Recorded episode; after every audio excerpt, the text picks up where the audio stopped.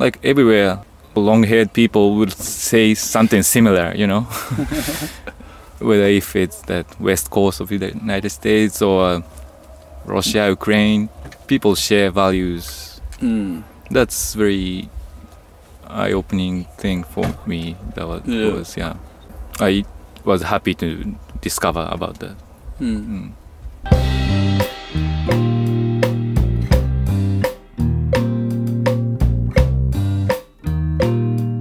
Thank you for tuning in to Nyla Podcast. Today we have a special bonus episode for you. As you hear, it's gonna be in English and it's gonna have a lot of music.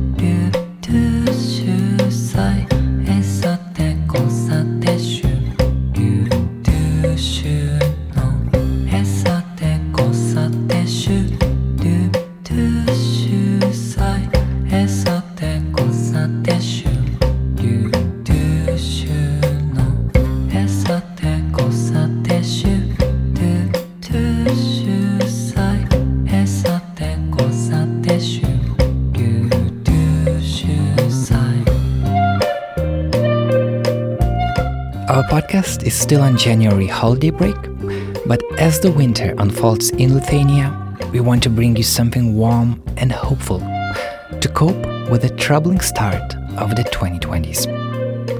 My name is Karolis Vyšniauskas. Stay tuned.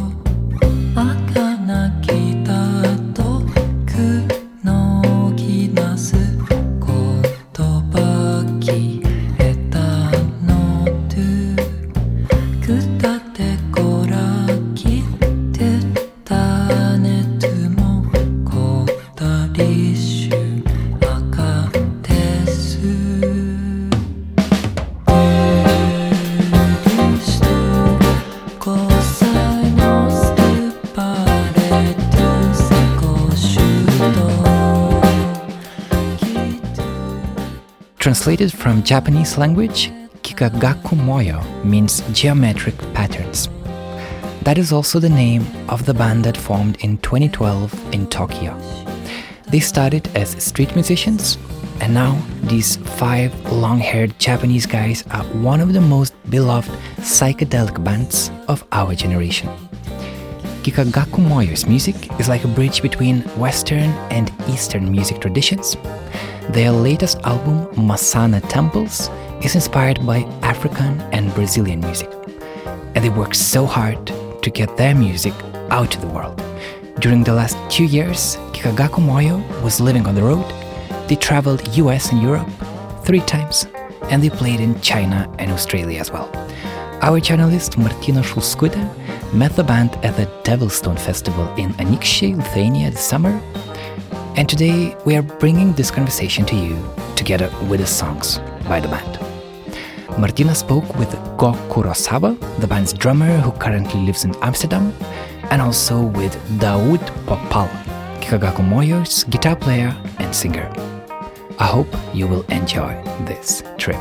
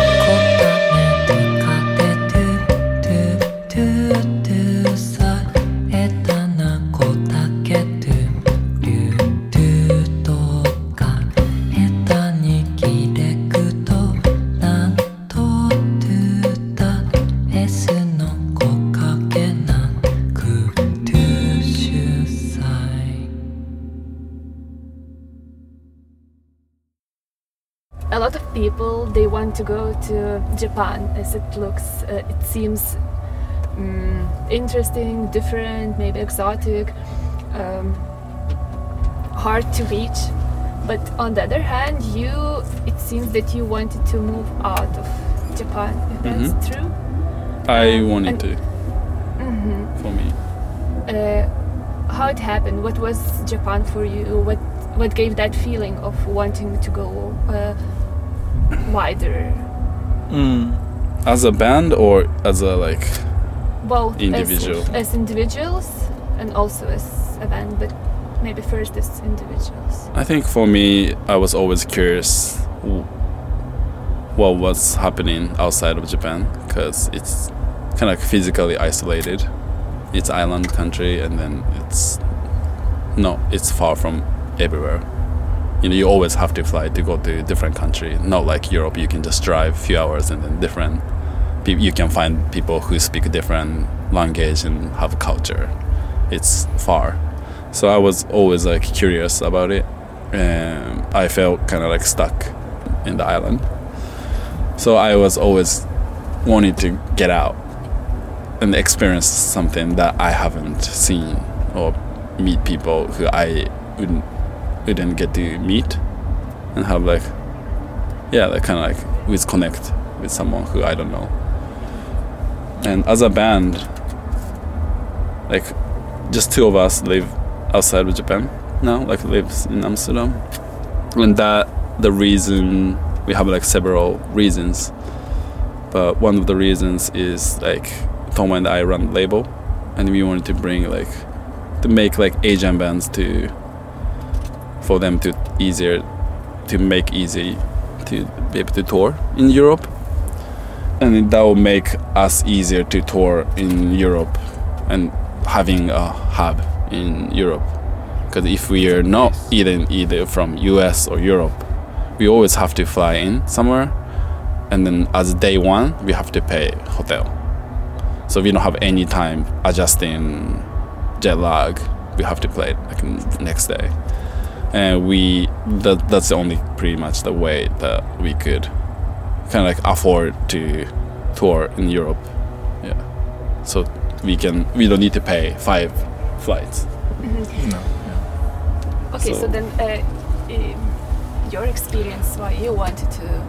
I still live in Japan, so and I'm happy to live in Japan. I live in Osaka now, but I also I love to travel. I love to see what's going on outside.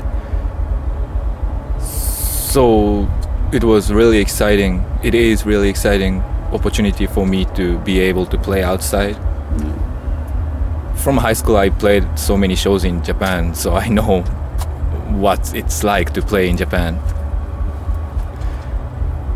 so every the whole thing around us is exciting for me then in off time which is very limited i spent those off days in osaka and that's totally fine. I have cool friends they are lovely people there. So for me it doesn't have to be outside or it doesn't have to be in japan. I enjoy both. But I would say, as a psych rock band, the possibility is limited in Japan. Less people come to shows in Japan, so that's one of big reason we had to go out from Japan to make it sustainable, make this band sustainable. Where do you consider your home to be now? Uh, if you have this feeling of home, and Home. where is it? Home is van. Fun, yeah. van and the van that's the most like one place that we spend the time the most other places we just like be there time to time Could you describe your van? How it looks like? What you have there? How big is it? van it's usually like nine seaters and we have like usually like eight people with crew like seven or eight on like big tour we have like one bed or like sometimes like two people can sleep and just dirty gets dirty one week It's trash everywhere. Hairs everywhere. Yeah.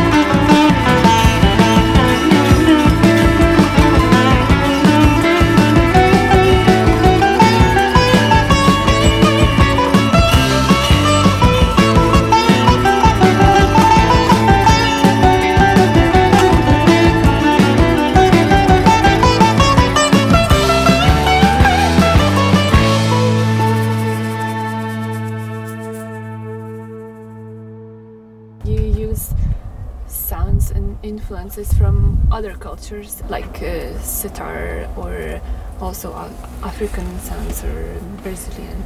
How it came to your music and what it means to you. I think what we like about psychedelic music is kind of like freedom to use anything, pretty much. Like if you're playing like metal band, like this like black, wearing black, and just like beard dudes like playing really loud, and there are some like alternatives, but it's kind of like has this beauty of structure or like a form that it's already there. Mm-hmm. And psychedelic is like kind of like personal thing. Like playing music is a kind of collective, ac- active ac- action, and you like, especially like when we like doing jam like improvisation, it's just like we don't know where it's going. We can get this influence from different culture freely, and people won't say, "Oh, like why are you look like this?" Because you nobody will say like we haven't had that, you know Mm. or why are you using sitar? It's not should you shouldn't use That's that. not like psych band. you know, Those so things people don't say. Yeah. so it's really I really like the like capacity of the music, and we're just uh, kind of em- embracing like a space that it has given to us.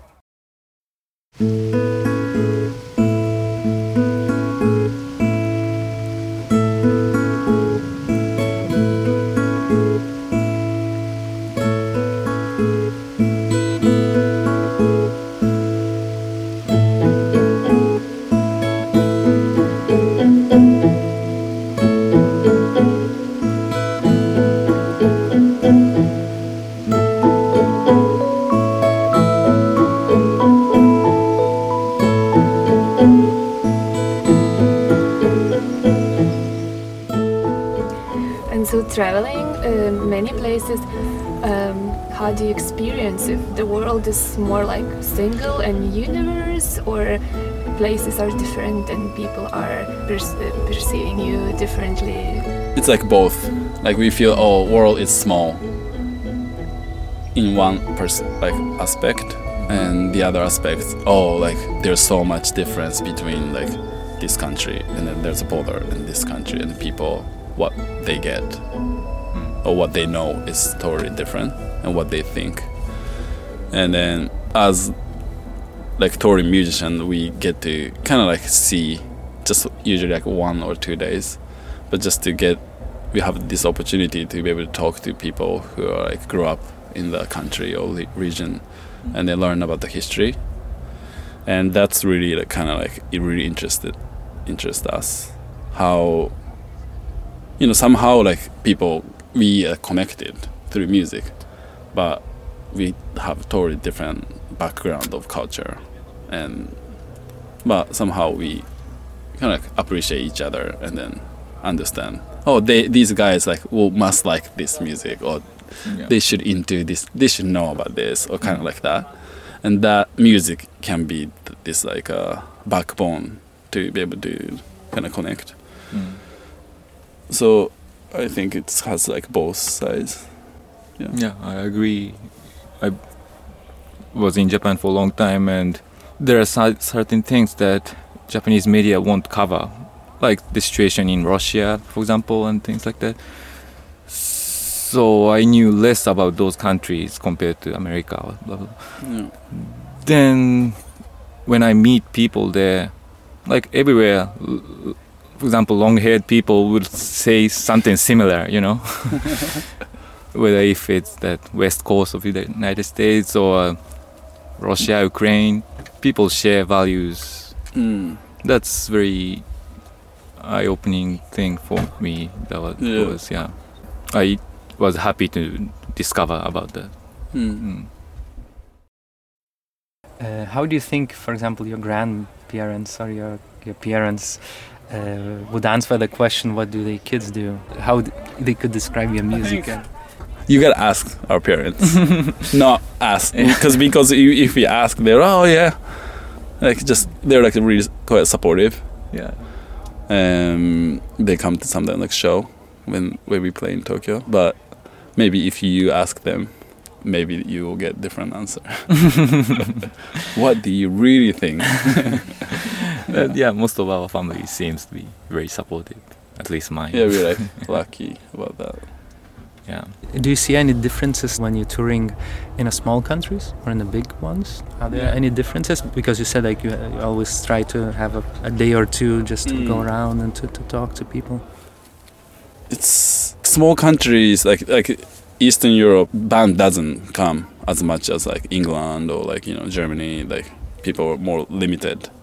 So people here more like appreciative. Like oh thank you for coming. Like you know it's just like people are excited w- because they're curious what they want to like they want to see it that they haven't never seen. And I think US go like touring US is less that. But if you go to like small cities, it's kind of like same reaction. Oh, thank you for coming to Iowa or like, you know, like Arkansas or Mm. Nebraska. Yeah. Um, yeah, that's Yeah, I feel like the worse the economic or political situation is, then more the energy people have, and I like it. It doesn't have to be. Maybe even big country like America has not so good situation about economy and politics, and people are very energetic. They want to make a change and stuff. And I see those energy in smaller countries a lot. Mm, people are not satisfied with the government and then they want to make some arts to communicate with other and people more like willing to share that kind of emotion or opinion to us, to foreigner.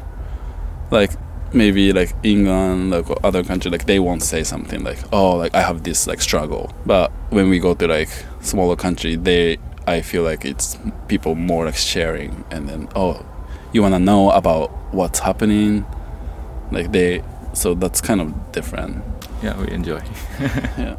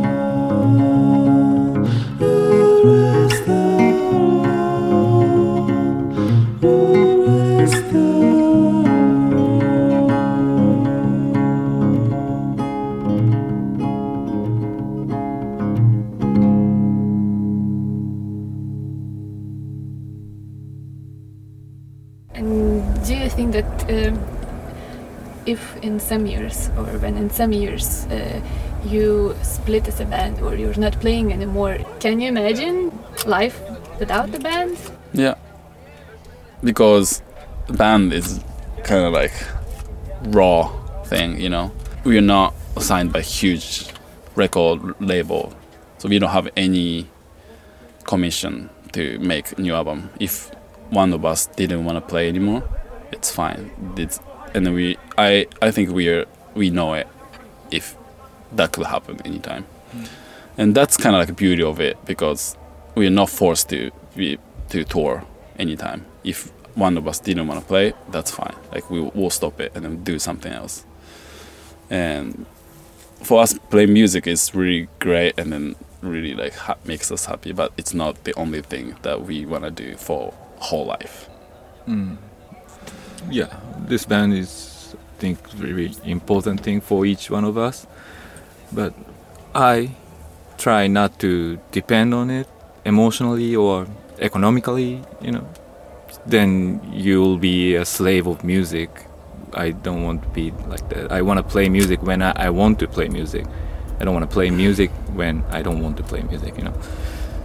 So to keep that free mindset, I think it's important not to depend on something. Yeah, and we kind of like talk about it, you know, always like because we have 120 shows, six months during so much commitment. He hasn't go back to his home like for three months. He hasn't seen, you know, family Yeah. or like, So it's lots of commitment, but we so we ask like, okay, this year like how much you want to tour, next year what we want to do, and then kind of you know we talk about it openly. Oh, I, I want to like take a break. Yeah, let's take a break.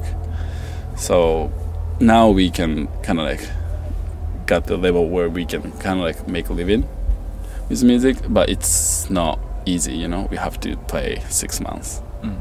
for us five people to feed. So we'll we'll see, and then yeah.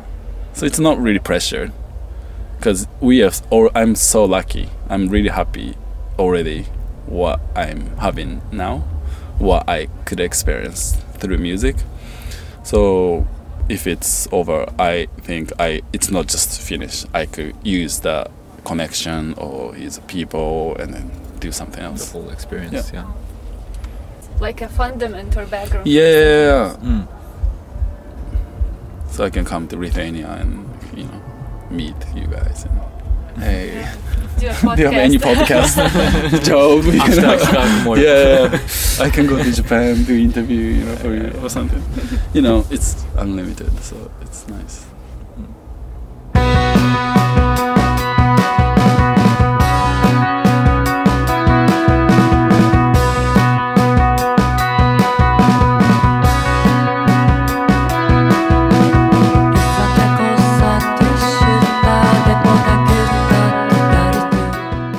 That's our show today. Our photographer Arturas Morozovas was with Kikagaku Moyo at the Devilstone Festival. See his photos at nyla.lt and Nunlux Instagram. My studio voice is recorded at Martynas Mažvydas National Library. Our sound engineer is Kata Bitoft. Our podcast is supported directly by listeners at patreon.com slash multimedia. Please join the community if you haven't done it yet. Our $100 per month patrons are Blossom Wood Foundation. Based in Alabama, US, they travel to places where natural disasters has happened and they help the victims to rebuild their lives. We are grateful for their work and their support for our journalism.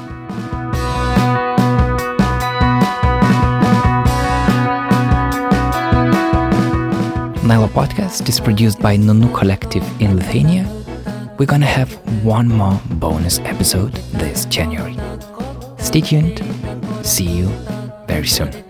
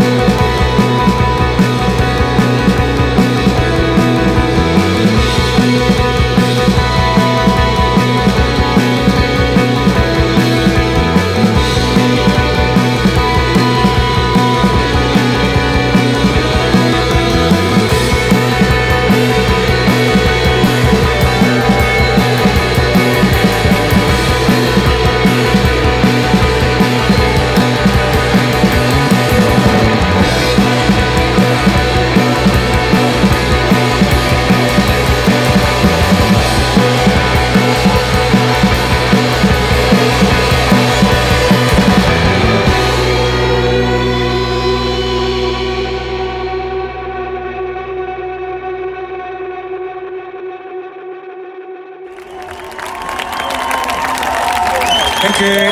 That's all. Thank you so much for having us. It's amazing for us to play in the roots. And really happy to be able to come back to Lithuania. So we are so happy and thank you guys so much for having us. We love you guys see you soon.